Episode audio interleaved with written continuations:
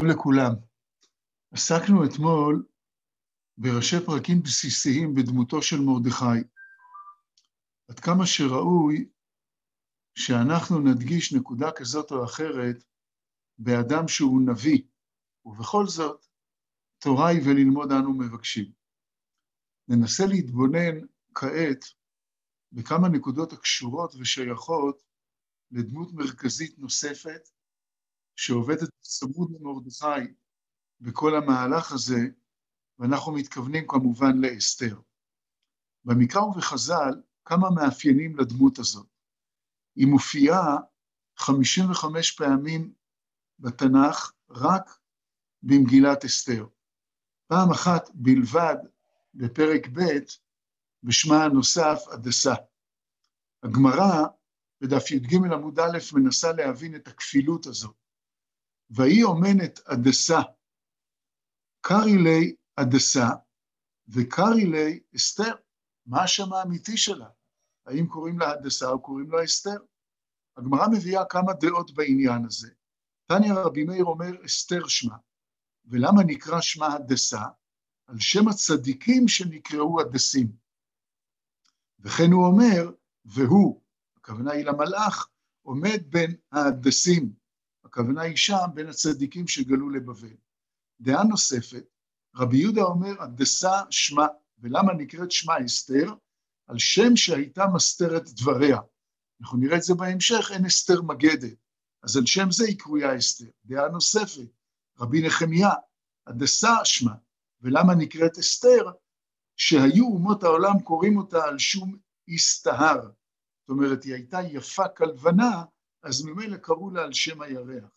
דעה נוספת, בן עזאי אומר, אסתר לא ארוכה ולא קצרה הייתה, אלא בינונית כהדסה, כמו שיח של הדסים, לא גבוהה ולא נמוכה. הדעה האחרונה, רבי יהושע בן קורחה אומר, אסתר ירקרוקת הייתה. זאת אומרת, היא הייתה ירוקה כמו הדס, וחוט של חסד משוך עליה. זאת אומרת, הקדוש ברוך הוא נותן לה איזה חן מיוחד, ולכן היא נושאת חן בעיני כל רואיה. נתון חשוב ביותר אודותיה, אחרי שאנחנו מתקדמים על השם הכפול שיש לה, מופיע בגמרא במגילה בדף י"ד עמוד א'. הגמרא מונה שם שבע נביאות ועושה רשימה שלא נעסוק בה כרגע, האחרונה ברשימה היא אסתר. צריך לדעת שהיו נביאות נוספות על מה שכתוב שם, ולהכיר את העניין הזה, שוב לא נעסוק בזה כרגע. הגמרא, הראיה שהגמרא מביאה לכך שאסתר הייתה נביאה, מופיעה בי"ד עמוד ב', וכך הגמרא דורשת את אחד הפסוקים במגילה. אסתר, דכתיב, מאיפה אנחנו יודעים, הגמרא מביאה ראיה על כל אחת משבע הנביאות שהייתה נביאה. מה ביחס לאסתר? אסתר דכתיב, ויהי ביום השלישי ותלבש אסתר מלכות. שואלת הגמרא, בגדי מלכות מי בא אלי? מה זאת אומרת היא לבשה מלכות? איך לובשים מלכות? לובשים בגדי מלכות. אלא שלבשתה רוח הקודש. כתיב אחא ותלבש וכתיב אטם אצל המסאי, ורוח הקודש לבשה את המסאי. ורוח לבשה את המסאי. זאת אומרת, יש כאן איזו מציאות של רוח הקודש. לעומת זה, בסדר עולם רבה, בפרק כ"א, זהו הפרק שעוסק בשבע הנביאות, שם הראיה לעובדה שאסתר נביאה מהעובדה שכתובה במגילה, ותכתוב אסתר בת אביחיל, ואם ספרה יתקבל בין הכתובים, ודאי שהיא הייתה נביאה. מה היה מעמדה האישי? ראינו שם כפול, ראינו רוח הקודש, נביאה. מה, מה היא הייתה? אנחנו עוסקים פה במגילה, ובאיזה גיל היא הייתה, מה היה מעמדה האישי, מאיפה היא הגיעה. הנקודה הזאת מופיעה בכמה צורות בחז"ל ובפרשנים. מצד אחד כתוב בפסוק ז', ויהי אומנת הדסה היא אסתר בת דודו. ולמה זה? כי אין לה אב ואם. דורשת על זה הגמרא, ומופיעים פה כל מיני פרטים שאבי ואמא נפטרו וכולי וכולי. שואלת הגמרא כי אין לה אב ואם, למה צריך לכתוב אחר כך ובהמות אביה ואימה? ברור שאם אין לה אב ואם, אז אביה ואימה אינם בחיים. לכן שואלת הגמרא, למה לי? למה צריך את זה? אמר רב הכא, שעיברתה מאת אביה, וממילא מרגע שהוא היה ראוי להיקרא אב כבר לא היה לה אב. ילדתה מתה אימה. ברגע שאימה בשעת הלידה היא נפטרה, אז ממילא היא לא, יכלה, לא היה למי לקרוא אימא. ובמות אביה ואימה לקחה מרדכי לא לבת. למה משום רבי מאיר אל תקרי לבת אלא לבית. זאת אומרת, כמו שאנחנו רגילים לקרוא לאשתו של אדם ביתו, האישה היא עקרת הבית, אז ממילא, העיקר שבבית, אז ממילא כאן אל תקרא לבת אלא לבית. אז עולות פה עכשיו שתי שאלות מאוד פשוטות, שכל אחד מאיתנו צריך לשאול את עצמו. הרי יבקשו, יש לנו את הציווי של הנערים, והנערים אומרים, אה, יבקשו למלך נערות בתולות טובות מראה. אם אסתר נשואה למרדכי, היא לא עומדת בקריטריון הראשון. דבר שני, אם היא כבר אשת איש, אז היא נערה, יכול להיות שהיא כבר הרבה יותר מבוגרת. איך אנחנו מבינים את הפרטים הללו? כותב באלמנות הלוי, ומשמעות מקראות כי לא תמצאו בכל המגילה ששובחה אסתר או שנקראה בשם בתולה, וזו ראיה גדולה כי הייתה בעולת בעל, היא באמת הייתה נשואה למרדכי, ולכן לא קראה רק בשמה או בשם נערה פעם אחת. אז כך אומר לנו בעל מנות הלוי, מפתיע, אבל גם כשמחפשים, בקריטריון הזה היא לא עומדת. דבר נוסף שאומרת הגמרא במגילה בדף ט"ו עמוד א', ארבע נשים יפהפיות היו בעולם, שרה, רחב, אסתר ואביגיל. עכשיו, אה, אם אנחנו אה, מנסים להבין את הגיל שלה, ותמיד הנתונים הללו כשהם מופיעים בחז"ל, הם פתח להרבה מחשבות והרבה לימודים.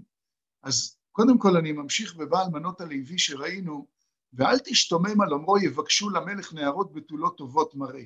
כי כבר אמרו חז"ל במדרש רבתי, באחשורוש, מלמד שאף הנשואות הביאו לפניו, והוא שאמרו בגמרא, ביקש לטעום טעם בתולה, טוען טעם נשואה, טוען כמו שהתבאר שם. אז ממילא את הקושייה הזאת פתרנו. יש מדרש בבראשית רבה, פרשה ל"ט פסקה ג', שמקביל את אברהם אבינו לאסתר. וילך אברהם כאשר דיבר אליו השם, ואברהם בן שבעים וחמש שנים. הדאו דכתיב, ויהי אומנת הדסה היא אסתר. רב אמר, בת ארבעים הייתה, ושמואל אמר, בת שמונים שנה. הדבר המעניין הוא, שתי הדעות הזהות ביחס לגיל הזה, מציעות גם אצל רות ביום שהתחתנה עם בועז, בסוגריים. רבנן אמרי בת שבעים וחמש הייתה.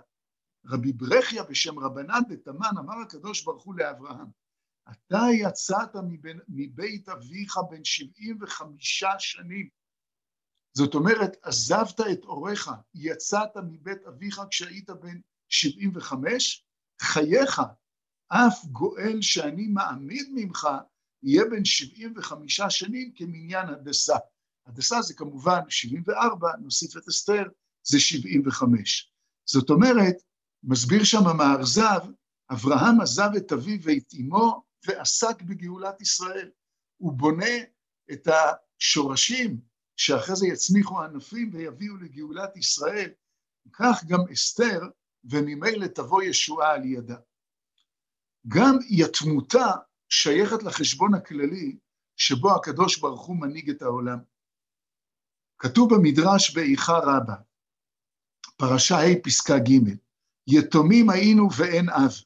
רבי ברכיה אמר, אמר הקדוש ברוך הוא לישראל, אתם אמרתם יתומים היינו ואין אב, חייכם, הגואל שאני מעמיד עליכם, אין לו אב ואם.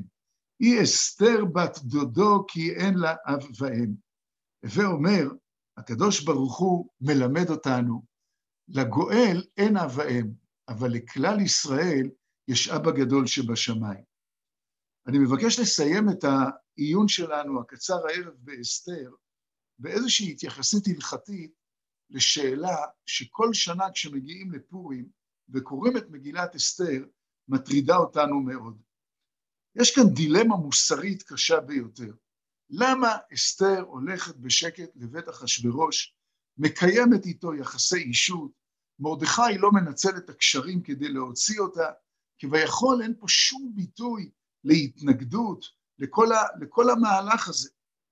אז ממש בדקה וחצי, כדי שנכיר את הסוגיה, כי אמרנו שהיום נתבונן בדמות של אסתר. אנחנו מכירים שיש חובה למסור את הנפש ולא לעבור על אחת משלוש העבירות החמורות, עבודה זרה, גילוי עריות ושפיכות דמים. במקרה של חילול השם, גם זה, זה מתייחס גם לעבירות נוספות.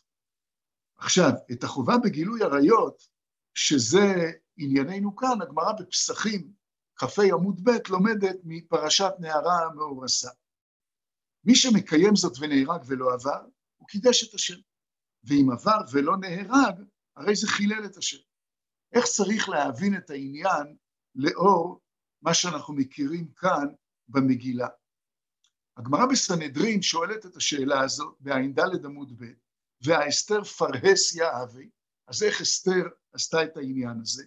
ונוסיף, וייתכן שגם הייתה אשת איש לפי מה שראינו, הייתה נביאה, ו... והגמרא אומרת שהיא עברה מחיקו של אחשורוש וטובלת, ויושבת בחיקו של מרדכי, משהו בלתי מובן פה בתוך כל הסיפור הזה. יש שם שני תירוצים, אחד של אביי, אחד של רבא. אביי יותר מוכר, אסתר קרקע עולם הייתה. אומר רש"י, אינה עושה מעשה, הוא עושה במעשה. ייהרג ואל יעבור זה כשאדם עושה מעשה, כשהוא לא עושה שום מעשה, אין פה עניין של ייהרג ואל יעבור. רבא מתרץ את, uh, באופן אחר, והוא אומר, הנעת עצמם שני. הווה אומר, העובד כוכבים לא מתכוון להעביר אותו מיראתו, ואולי זה נותן לנו איזה פתח להבין אין אסתר מגדת את המוות מולדתה. יכול להיות שמרדכי מצווה עליה כדי לא להיכנס פה לסול, לכל הסוגיות של ייהרג ואל יעבור. ייתכן שלכן היא לא גילתה את הזהות שלה, ו- וממילא אז uh, יש לנו את שני התירוצים, אביי קרקע עולם, רבה הנעת עצמם, uh, הנעת עצמם שני. בהחלט סוגיה מורכבת בתוך סיפור העלילה הזה. בעזרת השם, אחרי שעסקנו אתמול במרדכי והיום באסתר, נוכל בסייעתא דשמיא מחר לחזור לסדר הפסוקים הרגיל. ערב טוב ותודה רבה, אני מזכיר שיש עכשיו המשך שיעורים.